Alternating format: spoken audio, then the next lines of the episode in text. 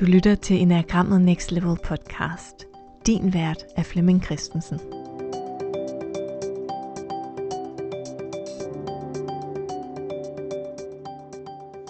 Jeg er Charlotte Hej Hase, og her der skal du lytte til en del af en samtale mellem Flemming Christensen og jeg omkring, hvad enagrammet har lært os personligt om at være menneske. Vi tager ind i ligningen, at Flemming relaterer til type 3, og jeg til type 2. Og så skal jeg advare dig om, at vi taler engelsk, og det gør vi, fordi vi netop har lanceret en international Enneagram podcast, hvor vi vil tale med rigtig store navne over hele verden, og ikke forvirre dem med det danske sprog. Og jeg linker til den i show notes, den hedder Enneagram Insights on Awareness, Presence and Relationships. Men lyt med her og hør, hvad enagrammet har lært os om at være menneske. Og tænk også over, hvad det har lært dig. Og hvis du har lyst, må du meget gerne dele inde i vores Facebook-gruppe, så vi kan få nogle spændende refleksioner og samtaler i gang. You're listening to the Enneagram Insights podcast. With this podcast, I will look to the Enneagram in search of greater awareness and presence and relationships. The podcast is produced by Flemming Christensen from Denmark.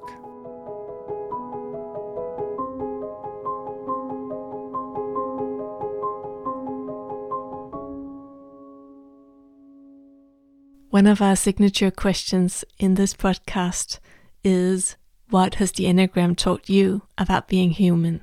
Before we can ask other people that, we want to answer it ourselves. So here I Charlotte Haase and Flemming Christensen are asking each other this question, and it is not rehearsed and original part of another conversation, so it's kind of raw.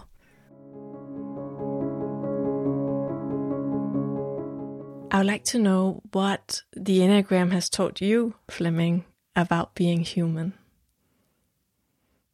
Oh.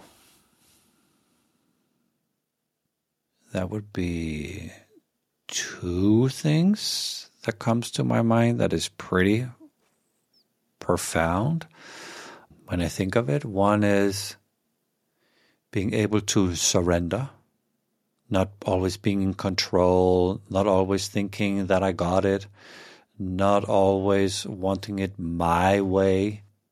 So when I surrender the type 3 in me will also surrender and loosen the grip on my behavior. And then the magic happens. And it, it and it has to be a very conscious surrendering where I am present to what's happening without wanting something out of it. So when I surrender to my meditations. Now, I've been doing that for decades, but but in the beginning, I wanted an outcome. Now I can surrender to to to yeah to uh, it to to the moment, and and I will I will call it kind of putting their our type aside a bit and see what's behind the type. So, what's this magnificent life that is there when the type is not running at all? I see it for glimpses. I cannot, I cannot kind of navigate there for a week or even a day, or maybe even an hour. But, but that's kind of the gift of the enneagram. So, when we surrender we let what has to be created by me be created by me. Or maybe things don't even have to be created, but um, the more I can surrender when I teach, the more I think I'm saying pretty smart things. but it's not me saying them. But when I surrender, something a little wiser come out than if I, in I if, if I have to kind of be the smart guy in the room, being the teacher that that that know it all. So surrendering would be one thing. And another thing that comes to my mind is um, uh, Christmas Eve two years ago, my mother died. And for the first time in my life, I was praying, but not praying for something, because that is for me not a prayer, but wanting the best for her. So may may my mother be without fear. May my mother be without pain. May my mother step into the light. It was a prayer of goodwill, in this case, uh, for my mother. And that was the first time I surrendered in a, in a prayer where I accepted there was nothing more for me to do. I've done what I could do to, to help her, but at her at her night of um, the night she died, um, not being the one that uh, could step in and take care of everything because that's what I did in the whole process, and uh, and also supporting my father that was devastated. But that moment where I'm still here, but there's nothing left for me. There's only good wishes or um, uh, the, the the best of the best from for in this case my mother and my dad. And I think that is that that's the enneagram, and that is the practices of the enneagram that brought me this. I've never thought of it. Oh, lovely question. Thank you.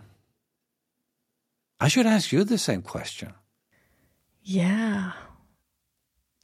And I think there are so many things the Enneagram taught me about being human. If I should take two things like you did, I think the first thing would be actually realizing that we are not all the same. I think I always thought that I understood where people came from and why they did like what they did and maybe it was childhood and but I always thought that people thought like me. and mm, then I mm, met the Enneagram and my heart was broken because it's like, ah, I misunderstood. Not everybody. I'm uh, identifying with type 2. So, not everybody's big wish is to be loved. And I remember I'm also a teacher of um, writers, and I wrote a blog about that every writer really wants to get good reviews and that the, the readers will love them, and they're afraid of putting something out there and they will be nobody wants to have anything to do with them. And people wrote to me, that's not my fear. and all of a sudden I understood this in a, in another way. So that's, that's like, and it also helped me actually as a mother because I thought if you, I thought you should treat children the same, but I just realized if I treat them the same, I treat them different because they're so different. So, mm. an awareness that we're not, not all the same has been really a gift of the Enneagram and also very frustrating because I look back and I think of some of the assumptions I made was actually, I don't know if I would say damaging, but also it, I wouldn't, it um, prevented me of being re- in real connection with other people because I assumed I knew. Yes, ah. that's that's the one big one. And then I think um, I also, it taught me that my urge to help other people, um, to actually learn how to be with hard feelings because if I if I cat, catch myself now helping, fixing, it's often a sign that I that I'm not really grounded. And I can't stand other people being unhappy or the, the people close to me. So I try to do something.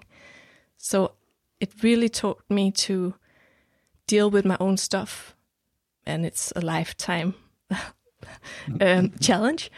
And that actually also helped me professionally because now I can I actually work with people with brain tumors or people who lost lost people or has been assaulted and, and before I had this knowledge, I was so drained after helping them tell their stories because I, I felt somehow responsible. um, mm. And now I understand that that's not my job. My job is to listen and to help them tell their story. So, in a way, to to to stay in my own space. Yeah, that's two of the great learnings for me from the That's Enneagram. Beautiful. Yeah. Beautiful.